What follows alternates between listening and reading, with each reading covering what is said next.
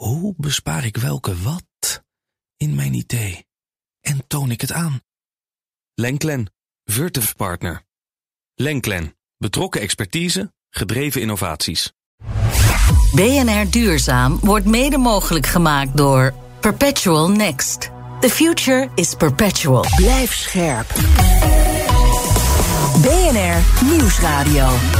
Duurzaam. Harm Edens. Op de Groene Weg naar 2030 gaan we het vandaag hebben over extra vliegtuigen met bloemen vanuit Kenia naar Amsterdam. Hoe we gemeenten kunnen verplichten om meer ruimte te geven aan struiken, bomen en planten. En de toenemende urgentie voor circulair grondstofgebruik in de digitale en groene transitie. Twee belangrijke milieuclubs, het European Environmental Bureau en Friends of the Earth Europe, hebben een rapport uitgebracht over de ecologische en sociale gevolgen van mijnbouw. Conclusie: als we Europa's digitale en groene transitie blijven voeden met op hol geslagen mijnbouw, kan dat fatale gevolgen hebben voor onze planeet. Mijnbouw veroorzaakt aantasting van de natuurlijke habitat en verlies van biodiversiteit, bodemverontreiniging en erosie, uitstoot van deeltjes en verontreiniging van zware metalen. En daar komt nog bij de verontreiniging van grondwater, wetlands, koraalriffen en andere aquatische systemen met inbegrip van de diepe zeeën. Daarnaast worden inheemse en lokale gemeenschappen op heel veel manieren bedreigd en beschadigd. Dat moet anders. We moeten ons gebruik van hulpbronnen verkregen uit mijnbouw met twee derde verminderen. En snel. En dat kan alleen als we reeds gedolven grondstoffen hergebruiken. Circulair worden dus. Per nu, per direct, per eergisteren. Ik ben Harm Edens, dit is BNR Duurzaam. En ons groene geweten is Lodewijk Hoekstra, de groenste tv-man, tuinman moet ik zeggen, van ons land. En, niet minder belangrijk, oprichter van greenlabel.nl. Fijn dat je er bent, Lodewijk. Het bericht waar jij even mee wil beginnen gaat over Valentijnsdag vandaag. Ja, ja, ja. Het is natuurlijk uh, de, dag der liefde. Hartstikke goed. En dan geef je elkaar een bloemetje. Heb ik zelf overigens ook gedaan. Uh, alleen het ding is, uh, jullie vroegen op een soort van nieuwsfeitje... Waar je, waarvan je dan denkt van jeetje, Wauw, en dan staat er inderdaad dat, dat uh, Kenia extra vliegtuigen inzet om al die bloemen maar naar Nederland te krijgen. En dat het er niet eens alleen voor Nederland alleen is, maar vooral omdat we een speelland zijn en het dan weer door kunnen vliegen. Denk ik dan, denk ja, is toch de wereld op zijn kop. Weet je wel, dan ga je, dan ga je bloemen geven, een beetje, en je geeft natuur aan iemand waarvan je houdt. Maar ondertussen is die impact soort van super negatief. Het is een bloemenhub die dan eigenlijk heel negatief uitpakt. Ja, dus ik, ik, ik ben er eigenlijk voor. Dat zag je ook wel in het nieuws deze week. Hè. Misschien de CO2 en klimaatdingen op je boodschappen. Dat je ziet wat de impact is van hetgene wat je doet. Ja, hebben ze in Noorwegen gedaan, sloeg meteen aan. Wel niet? Ja, sloeg enorm aan. De klant werd een stuk bewuster. Want even de feiten erbij. Sinds eind januari zijn er 29 extra vrachtvluchten uitgevoerd door Ethiopian Airlines en Qatar Airways. En dat is heel erg veel extra rozen CO2 en bloemen CO2. Ja, kijk, eh, bizar en onnodig. Je moet dan altijd wel het eerlijke verhaal over duurzaamheid vertellen. Daar heb je natuurlijk wel gratis zon in kassen bijvoorbeeld. Mm -hmm. Maar ook weer minder drinkwater. Dus kijk, als je het echt helemaal uh, wil duiden... dan zou je die hele keten in beeld moeten hebben... en dan echt naast elkaar zetten. Ja. Maar ja, dat je de bloemen de, de wereld overvliegt lijkt me echt nonsens. En dat geldt natuurlijk voor heel veel producten. Dus langzamerhand is de totaaldiscussie korte ketens... en dan uh, dingen die je zelf nodig hebt... een beetje in je eigen buurt oplossen. Juist, bloemen uit eigen tuin. Nou, we zijn eruit. BNR Duurzaam. Maakt natuur inclusief bouwen verplichte kost voor gemeenten, projectontwikkelaars en aannemers. Die oproep komt van een brede coalitie aan partijen, onder wie Wageningen University and Research. Marjan Stuiver leidt daar het programma Green Cities. Marjan, welkom. We gaan het zo uh, diep over de petitie hebben, maar eerst even wetenschappelijk onderzoek naar groene steden. Wat moeten we ons daar precies bij voorstellen? We kijken ten eerste naar de relatie tussen groen, natuur uh, en bijvoorbeeld de gezondheid van mensen. En dan blijkt ook dat als mensen meer in de natuur zijn, dat ze daar minder eenzaam door worden en dat ze daar gelukkiger voor worden. Letterlijk één op één, hè? Niet letterlijk één op één. Vaak is bewegen daarbij ook van belang. Mm, maar de kleur groen alleen al in ons reptiele brein schijnt heel fijn te zijn. Ja, zeker. Dus niet alleen of je er echt in beweegt. Dat is natuurlijk wel het beste. Mm -hmm. Maar ook bijvoorbeeld uh, tuin, uh, in, uh, op een tuin uitkijkt. Of dat je in je eigen kantoor groen hebt. Ja, dat is voor de mens. En doe je ook onderzoek naar bijvoorbeeld klimaatadaptatie van steden, biodiversiteit die groeit, dat soort dingen? Ja, wij doen dus onderzoek naar en we doen ook de toepassing ervan. Dus we, we helpen gemeentes, vastgoedeigenaren ook om die natuur in die stad te realiseren. Ja, want normaal is het gewoon een betonklomp en dan zetten we nog een boom neer. Maar dat kan allemaal een stuk slimmer. Hè? Ja, het uitgangspunt is wel dat je vanaf het begin begint met te kijken... wat is het natuurlijk ecosysteem in die stad. Mhm. Dus je kijkt naar water, je kijkt naar bodem. Hoe kun je dat optimaal gebruiken? Hoe kun je ook zorgen dat de natuur helpt? Hè? Bijvoorbeeld bij regenval, op, uh, regen, regenvalopvang. En uh, in de zomer blijkt ook hè, dat het fijn is om bomen te hebben... want dan heb je eigenlijk een natuurlijke uh, airconditioning. Een hitteschild enzovoort enzovoort. Fijnstof zijn we nog uh, vergeten te noemen, ook belangrijk. Als je het vergelijkt, dat kan jij vast, want je bent een degelijke wetenschapster... de, de groenheid van onze steden vergelijking, in vergelijking met 30 jaar geleden. Hoe staan we ervoor?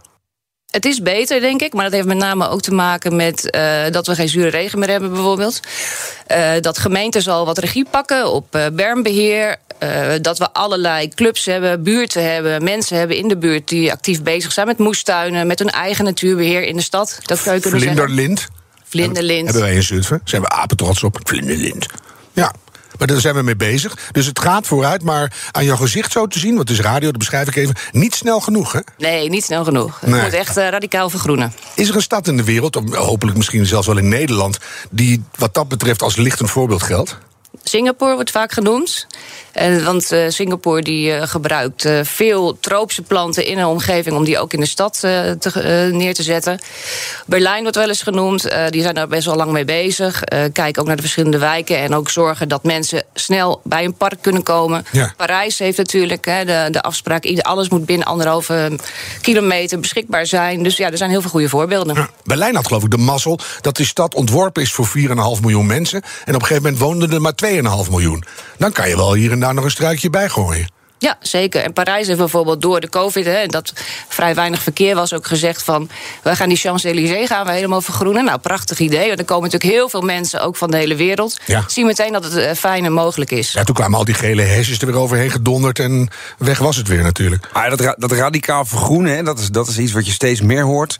Ik ben ook veel in gesprek met de provincies, bijvoorbeeld Zuid-Holland. Die willen echt aan de bak.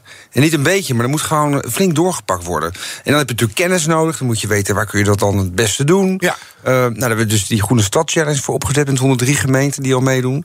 Dus er gebeurt zoveel op dit vlak. Maar kijk, is daar een plaatje bij ook? Want uh, ik praat wel eens met internationale architecten. En dan zie je allemaal van die foto's met wolkenkrabbers waar enorme groene watervallen uitgroeien. En je ziet eigenlijk alleen maar één grote berg mos. Dat is denk ik niet een heel realistisch toekomstbeeld, Lodewijk. Nou, dat is een beetje hoe de gemiddelde, gemiddelde tenner eruit ziet als hij eruit gaat. En dan ja. is hij gewonnen en dan wordt er weer opnieuw gezegd: oké, okay, en nu, wat gaan we nu echt doen? En dan wordt er weer heronderhandeld en dan valt in één keer die kwaliteit en de natuur ervan af.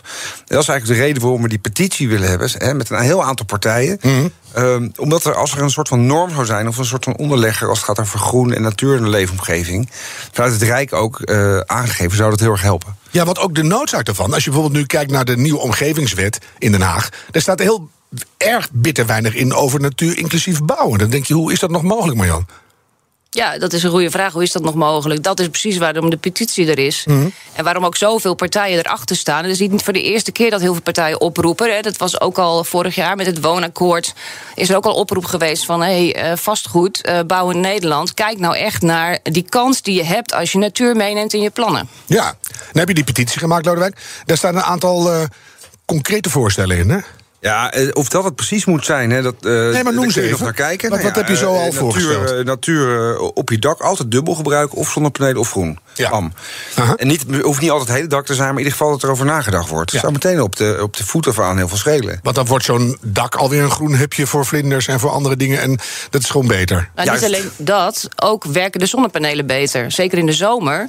Omdat dat groen, dat vangt eigenlijk de hitte af.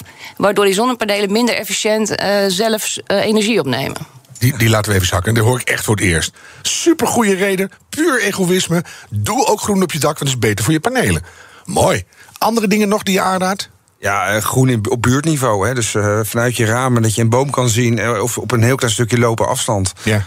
Uh, ja, dat, dat, moeten we gewoon meenemen. En dan wordt er gezegd, ja, we moeten bouwen. Het, het gaat het niet snel genoeg. Het is veel te duur. Allemaal onzin, want het kan al lang.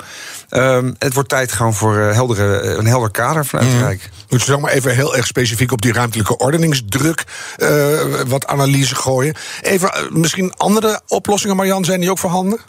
Heb jij nog dingen die er niet in staan? Bijvoorbeeld uh, andere partijen aan tafel zitten bij elkaar? Nou, kijk, het is, de sector is hartstikke goed al bezig door uh, allemaal voorlopers eigenlijk uh, met elkaar te verbinden en te kijken van wat kan er allemaal op projectniveau.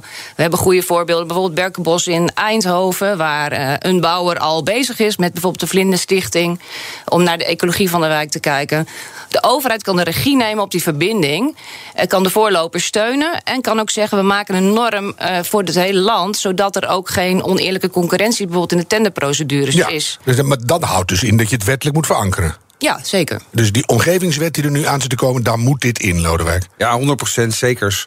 Of je moet met z'n allen gaan voor een landelijke norm. Hè, als het gaat over groen in een leefomgeving. Dat kan ook. Maar het is meer dat het besproken moet worden en op de agenda moet. Nou, dat is gelukt. We mogen langs bij Hugo. Uh, dus dat is uh, goed nou, nieuws. Wacht even, een mini Ja, dat is een applausje. Dan ben ik, we, zijn we we mogen langs bij Hugo. Liever voor de natuur dan voor de Jawel, corona. Hij is wel, kijk, uh, hij is de minister van Gezondheid geweest, hè, corona. En nu gaan we die miljoen wonen, woning op een gezonde manier bouwen. Ik denk dat hij open staat. Ja. Ik wil gelijk even ook de, de. Hiervoor zat een manifest met Stichting Natuur, Milieu en de Vogelbescherming. Een heel aantal partijen onder BAM wonen. Is de voorloper, wil ik wel even netjes benoemen. Uh, wij zijn er nog een wilde petitie erachter aangestart, maar het heeft wel effect. Dus daar gaat het om. Ja, dus uh, Hugo, we komen eraan. BNR Nieuwsradio. Duurzaam. Harm Edens. In deze aflevering gaat het over natuur inclusief bouwen. Ruim baan geven aan de natuur bij nieuwbouwprojecten. Zodat vogels, bloemen, planten en bomen een plekje in de stad krijgen. En daar worden ook wij mensen beter en gelukkiger van. Bij mij te gast is Marjan Stuiver, programmaleider Green Cities bij Wageningen University and Research, de WUR. En ons groene geweten is Lodewijk Hoekstra. Maar eigenlijk zijn jullie gewoon alle twee hoofdgast vandaag. Maar Jan, nu moeten we alleen die politiek nog even overtuigen. We gaan bij Hugo op bezoek. Wat zijn de, de, de echte harde argumenten waardoor hij niet meer om de petitie heen kan? Nou, je moet ten eerste kijken naar de korte termijn uh, baten die je hebt. En uh, bijvoorbeeld een groen dak ontlast je riool en verkoelt je huis. Heel simpel, eigenlijk heel simpele relatie. Vorig jaar is in Nature, dat is een wetenschappelijk tijdschrift, uh, uh, verschenen. Dat uh, groen ervoor zorgt dat mensen minder eenzaam zijn. Dus ook gezondheidsorganisaties en verzekeraars hebben daar heel veel baat bij. Ja. Ook letterlijk, je gaat naar een park, los van de kleur groen. Maar je, het, is, het heeft gewoon enorme sociale en buurtcohesie verhogende werking. Hè? Zeker. Je, je komt elkaar tegen. Ik noem heel vaak het, het, het Steenbreekplein in Nijmegen. Superleuk. 80.000 tegels erin, parkje eruit en parkje erin. En die mensen die, die. Woon jij ook hier? Dat gebeurde daar ineens. Omdat Ja. ze met elkaar zorg droegen voor de buurt en ook de deur uitkwamen. Ja. Dus dat zijn hele leuke dingen. Nou, Maar dat- wat ook heel belangrijk is, is dat de biodiversiteit keihard achteruit holt. En dat de, dat de, omdat wij steeds meer verstedelijken, moet Hmm. die stad eigenlijk een eigen biodiversiteitshotspot worden. En daarvoor is veel nodig en veel investering nodig. En als buurt, buurten dat willen, als burgers dat willen, als woningcoöperaties dat willen, eh, dan is dat natuurlijk voor de overheid heel erg mooi ook om op die manier klimaatadaptief te worden als land, als Nederland. En om ook die biodiversiteitstoename eh, te gaan regelen. Ja, dus dat gaan we dan verankeren. Dan heb je nog voor die dingen als de, de goede insecten moeten omhoog. Dan moet je ook de slechte insecten bestrijden. Kan je ook weer doen via zo'n omgevingswet, dacht ik. Nou, of je daar insecten mee kan bestrijden, weet ik Nou ja, niet. als je vleermuismuren gaat plaatsen rond de parken. Ja, het ding is dat we veel meer toe moeten naar een integrale manier om eh, duurzaamheid te beoordelen. Mhm. Eh, waarbij je, het- ja, natuurlijk moeten we isoleren en het bespaart energie, dus dat is duurzaam. Maar als we er geen plek meer hebben voor de vleermuis, is het weer niet duurzaam. Hè? Maar als je nou in ecosystemen gaat denken, en daarom is biodiversiteit op gebiedsniveau zo belangrijk, dat heeft een soort van meervoudig doel. Dan moet je integraal denken. En op, en op het moment dat je dat doet, eh, tik je ook gezondheid af en Ja. eh, klimaat en heel veel andere zaken. En dan kan ik me dat bij eh, nieuw te bouwen wijken heel goed voorstellen. Want dan kan je van scratch beginnen en zeggen van nou, we gaan helemaal als ecosysteem ontwerpen. Maar hoe doe je dat nou in oude buurten? We zitten hier schuin eh, op de pijp te kijken bijna. Nou, er is natuurlijk hier en daar wel een parkje. Maar voor de rest is het, is het steen. Ja. Hoe, doe je dat? Ja, nou, dat, een van de dingen daarin is, eh, denk ik, meekoppelen. Hè, want als het dan toch open moet voor het riool... eh, om dan gelijk ook de rest mee te nemen. Maar dat is best wel een grote uitdaging. Mhm. En het is wel 90% van Nederland. Hè, dus eh, Ja, daar moet je echt over nadenken en ook nieuwe inzichten op genereren. ja. ja. Maar, Maar ook- ja, er zijn wel twee, degelijk twee eh, manieren te verzinnen, ook in bestaande buurten. Allereerst de daken. Dus eh, bijvoorbeeld de gemeente Amsterdam. Hè. De daken is eigenlijk is onze nieuwe tuin dan, als je kijkt eh, daarnaar. En Amsterdam heeft dat ook, eh, al, eh, is al bezig daarmee, om daar ook meer groen daken te maken. En ten tweede de tuinen, de voortuinen en de achtertuinen. Dus ook bijvoorbeeld woningbouwcoöperaties, die zouden ook in een huurcontract kunnen meenemen hoe je die tuin eh, kan opleveren. met name die voortuin. En wat is er aan de hand in Nederland? Zo oeverloos lelijk en volgestampt met steen en containertjes en fietswrakken. En er is geen voortuin te vinden bijna. Nee, dus misschien moet ik ook wel een beetje hand in eigen boezem steken. Ja, ik wou hem niet meteen naar jou gooien, maar mag wel, mag wel. Nee, maar goed, ik heb ook heel lang eigen huistuin gedaan, decoratieve tuintjes. alleen maar eh, leuke achtertuinen. We moeten Violen gewoon- met eh, potjes verkopen. Eh, ik heb nu dat inzicht gehad. eh, van dat moet anders. Met groen moeten we de wereld beter maken. Dat kan ook. Maar de heel Nederlander, ja, die zit nog steeds lekker met zijn bordje friet op schoot.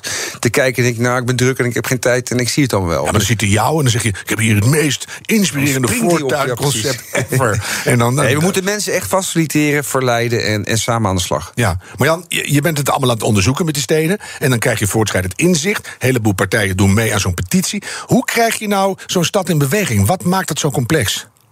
Een stad in beweging krijgen is door te beginnen met de mensen die al in beweging zijn hiervoor. Elke, bijna elke stad heeft eh, groepen mensen die bezig zijn met de natuur in de stad. Het is gewoon zo. Bijvoorbeeld, gewoon bewoners of. Ja, bijvoorbeeld even langs meer in Culemborg. Dat is een wijk, die bestaat al best wel lang. En toen de tijd hadden mensen iets van... nou, die eh, bewoners die willen dus duurzaam zijn. Goh, wat is dat? Ze waren enorm aan het pionieren. En een fantastische wijk geworden. Ehm, nou, Ste- Steenbreek heeft... eh, de helft van de gemeentes in Nederland is lid van Steenbreek. Is vijf, zes, zeven jaar geleden opgericht. Zoiets, ja. toen had iedereen zoiets van, wat is dat Rare Steenbreek? mensen, ja. Wat een rare mensen. En nu is iedereen actief eh, die tegels eruit aan het wippen. En Dus vanuit die initiatieven pak je op gemeentelijk niveau door. ja, pak Zou- je door. Zou je dan eigenlijk moeten zeggen, los van die omgevingswet waar je de norm in kan verankeren, zou je dit eigenlijk op, op lokaal niveau moeten aanfietsen? Het is altijd een combinatie van lokaal aanfietsen. Want je hebt gewoon die dragers in je stad nodig om het eh, succesvol te maken. Zeker met groen. Hè. Groen is ook kwetsbaar. Je kunt het ook zo vernielen. Eh, en je hebt ook landelijk no- nodig om een goed verhaal erover te kunnen vertellen. Mensen inderdaad te kunnen overtuigen. De voordelen te laten zien. Dus Ja. ja, eh, eh, trek met elkaar op. Maar ook die provincies zijn heel erg belang, belangrijk. Om bijvoorbeeld de verbinding te maken tussen de verschillende dorpen en steden. Ja. En ik kijk even naar Lodewijk, bij die Green Cities hoorden we ook steeds. Ja, dan hebben we meer groen, dus meer onderhoud voor de plantsoenendienst. We moeten ook een nieuwe manier leren van financieren en vooruitkijken, denk ik. Iedereen moet omgeschoold worden tot tuinman. Jij ook, Nou, nu sla je door, maar ik, ik heb groene vingers. Hè? Dus ik hoef daar niks nee, aan te doen. er is niks. eh, Kijk, we hebben een leger nodig aan jonge, leuke mensen. Mag ook wat ouder zijn. Die. eh, is ook flauw. Nee, maar goed. Dus je moet leren dat dat niet alleen maar geld kost, maar op den duur ook geld oplevert. Ja, maar eh, en de, dus je hebt kennis nodig, mensen nodig, we hebben planten nodig, goed gekweekte planten. Inheemse. En dan gaan we gewoon de hele wereld vergroenen. Ja. Nou hoorden we net al, en we moeten het toch even op tafel leggen. Dan kom je bij zo'n gemeente die ook vaak hun begroting rondbreien met uitgifte van grond of andere dingen. En dan zeggen wij: nee, je moet minder woningen bouwen en er moet meer groen in. Ja, dat kost alleen maar bakken geld. Marjan, hoe gaan ze dat eh, in hun begroting opnemen? Nou, ik ben het er niet mee eens dat het per definitie bakken geld kost. Dat, eh, dat argument slaat al heel veel vernieuwing dood. Eh, kijk van tevoren wat je wil, wat, wat die ruimte oplevert. Kijk ook of je er zo'n sociale woningbouw in kan zetten. ehm, of je de burgers van tevoren kan betrekken bij het ontwikkelen van die wijk. En ja, uiteindelijk, eh, het berekenen van de opbrengst is altijd een behoorlijk mysterieus plaatje, vind ik, in de vastgoedwereld. Maar ik ben ervan overtuigd dat je dan nog steeds genoeg geld kan verdienen. En is natuur inclusief bouwen, Lodewijk, ook niet een argument om tegen al die gemeenten te zeggen: die inbreiding, doe daar maar niet zo ingewikkeld over. Pak de weilanden en de open stukken buiten de stad maar. Want daar kunnen we helemaal mooi nieuwe groene wijken opzetten. Nee, eh, nee, ik- of het nou binnen of buiten de co- contouren is, het moet altijd groen en duurzaam. we kunnen ons helemaal niet veroorloven. Binnen is toch beter uiteindelijk? Nee, nou, eh, maar buiten ook. Kijk, dan, dan ben je ook die hele discussie kwijt van... oh, het, het groene hart. Nou ja, daar kun je, daarvoor kun je natuurlijk ook zeggen... ja, in feite is het één grote monocultuur, er is daar geen koe meer. Er is helemaal niks aan. Methaan, Als je eh, daar heel mooi, heel mooi gaat bouwen... en je gaat weer een beetje lintstructuren terugbrengen... eh, mooie landschappen en, en, en biodiversiteit... ja, waarom zou je daar niet ook kunnen bouwen dan? Ja. Maar dan wordt, dan wordt zeg maar, het bouwen per definitie een impuls... om de kwaliteit van de leefomgeving te verbeteren. Mhm. En af en toe toch ook een paar stukjes nog heilig verklaren. Van daar bouwen we niet. Zeker. Goed, die hebben we staan. Maar Jan, eh, we hebben het natuurlijk een beetje eh, langs gekomen af en toe al. Maar klimaatadaptatie, er gaat een heleboel gebeuren met dat klimaat. Wat kan deze aanpak en ook zo'n norm in zo'n omgevingswet daaraan toevoegen? Dat we beter adapteren. Nou, ten eerste natuurlijk het eh, oplossen van heftige regenvalperiodes. dat je zorgt dat het water eh, goed eh, gebo- geborgen wordt in de wijk. En ten tweede met hele hete zomers. Dat je zorgt dat er verkoeling is. Maar ook dat die bodem zo is dat hij dat water niet meteen kwijtraakt. Ja, dus hoe hou je het vast en waar laat je het? Ja, want dat horen we eigenlijk nauwelijks in het nieuws. Hè. Coronaslachtoffers die tellen we per dag. Maar de hittedoden per zomer, per hete zomer... die hoor je eigenlijk niet zo veel. Het zijn er honderden. per jaar. Ja, wat ik net ook al zei, hè, de eenzaamheid is nog ook een hele belangrijke Ja, factor. een- hè? Dus eh, ja, Ja, dus dat is allemaal bijkomend voordeel. Dan heb je nog de, de rand van steden. Ik herinner me vroeger als een stad aangelegd werd, werden er altijd mooie parken om een stad gelegd. Is daar genoeg aandacht voor, Lodewijk? Ehm, ja, er is, dat, dat is een beetje dat is moeilijk te meten. Dus dat, dat is voor met, met zo'n challenge, bijvoorbeeld als je heel grootschalig eh, gaat monitoren, dan kun je er ook iets over zeggen, zeg maar, landelijk gezien. Eh, een stad als Amsterdam heeft er hè, de mond van vol. Hè. Dat, nou, er is heel veel aandacht voor. Maar die zijn vorig jaar dan wel weer teruggefloten door de eigen rekenkamer. Dat er toch wel heel veel groen ook verdwenen was. Ja. Dus ja, En plus bij die uitbreidingen zie je nog steeds dat steden abrupt ophouden en overgaan in de landerijen. Maar geen park of niks te zien. Dus, en vroeger werd dat allemaal bij, een mooie Zutphen was één park. En is nu alweer uitgebreid. Maar dat, dat begon altijd heel hoopvol. Dat merk je nu weinig. eh, nee, dat, nee, dat vind ik lastig om daar wat over te zeggen. Hm. Marjan, heb jij daar een zicht op? Nou, het is natuurlijk heel mooi als je tussen zeg maar, stad en platteland of ommeland... als je zorgt dat mensen daar ook kunnen rondlopen. En met bijvoorbeeld de, de klompenpaden in Gelderland. Een fantastisch voorbeeld. Het, is ook, hoeft ook niet zo lang te zijn, een kilometer is genoeg. Ehm, en de parken, ja, eigenlijk wat ik het grote probleem vind... is dat het ook altijd een beetje, wat iemand uit Zuid-Holland tegen me zei... fantastische term, een beetje grasvalt is. Dus dat, dat gras, dat is gras. Wat, doet, wat kan, wat kan een precies. gever daar nou doen? Dus zorg er ook voor dat die parken die er zijn... dat die veel biodiverser worden. Ja, en ook dat iedereen dat ook ziet. Hè? Jeetje, wat dit- deze parken hebben echt los van mijn persoonlijke genot ook echt een functie. Dat is mooi. Hey, wanneer, eh, voor jullie allebei, wanneer zijn die steden in Nederland groen genoeg? Marjan? Voor mij is eh, Nederland groen genoeg als Utrecht centraal eh, en Hoogkaterijnen. Als je daar kan winkelen bij een gamma die alleen maar natuurlijke materialen verkoopt. Ja. En als er kledingwinkels zijn, wat eigenlijk een soort van ar- binnen Arboreta zijn. En waar je ondertussen ook kan winkelen. Dan is Nederland groen genoeg, wat mij betreft. Binnen arboreta. Nou, die had ik niet verwacht. En bij jou? goed. Wanneer, wa- welk jaartal eh, hebben we dan in gedachten, Lodewijk? Nou, het moet snel gaan. Ik zeg 2030. eh, dat is ook een beetje eh, de missie, zeg maar. Dus voor 2030 het verdubbelen van de waarde van een groene leefomgeving. Functioneel, maar ook eh, dus kwantitatief en kwalitatief. Eh, en dat eh, elk kind gewoon op school eh, eh, duurzaamheids- natuurkunde krijgt. Ja, Dat zou heel logisch onderdeel moeten zijn. Dus we kunnen een hele nieuwe generatie zo aan de arm nemen. Ja. Weet je dat je dat vroeger stiekem gewoon kreeg? Buiten spelen en zo. Ja, dan zeg je, dit is fluitenkruid. Zullen we het plukken of niet? Of een fluitje maken. Dat deden wij altijd. Ik kan het nog steeds. Mooi. Eh, ik ga jullie enorm veel succes wensen bij minister De Jonge. Marjan Stuiver, actief bij de onderzoeksgroep Green Cities... bij Wageningen University and Research. Dank je wel voor je komst. Lodewijk, wat ga jij eh, vanavond aan de eettafel doorvertellen... aan vrouwen en kinderen over het bosje ingevlogen bloemen heen?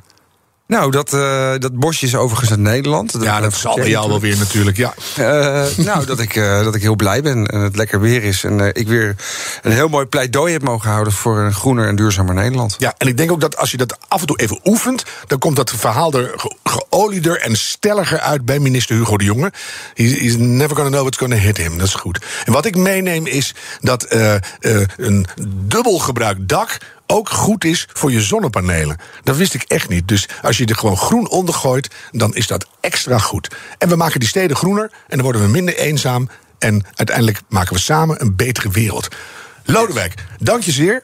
Dit was BNR Duurzaam, de groene weg naar 2030. Laten we die met z'n allen nemen en een beetje doorlopen graag. De tijd van treuzelen is voorbij. BNR Duurzaam wordt mede mogelijk gemaakt door Perpetual Next. The future is perpetual. Hoe bespaar ik welke wat in mijn idee? En toon ik het aan? Lenklen, Virtuf Partner. Lenklen, betrokken expertise, gedreven innovaties.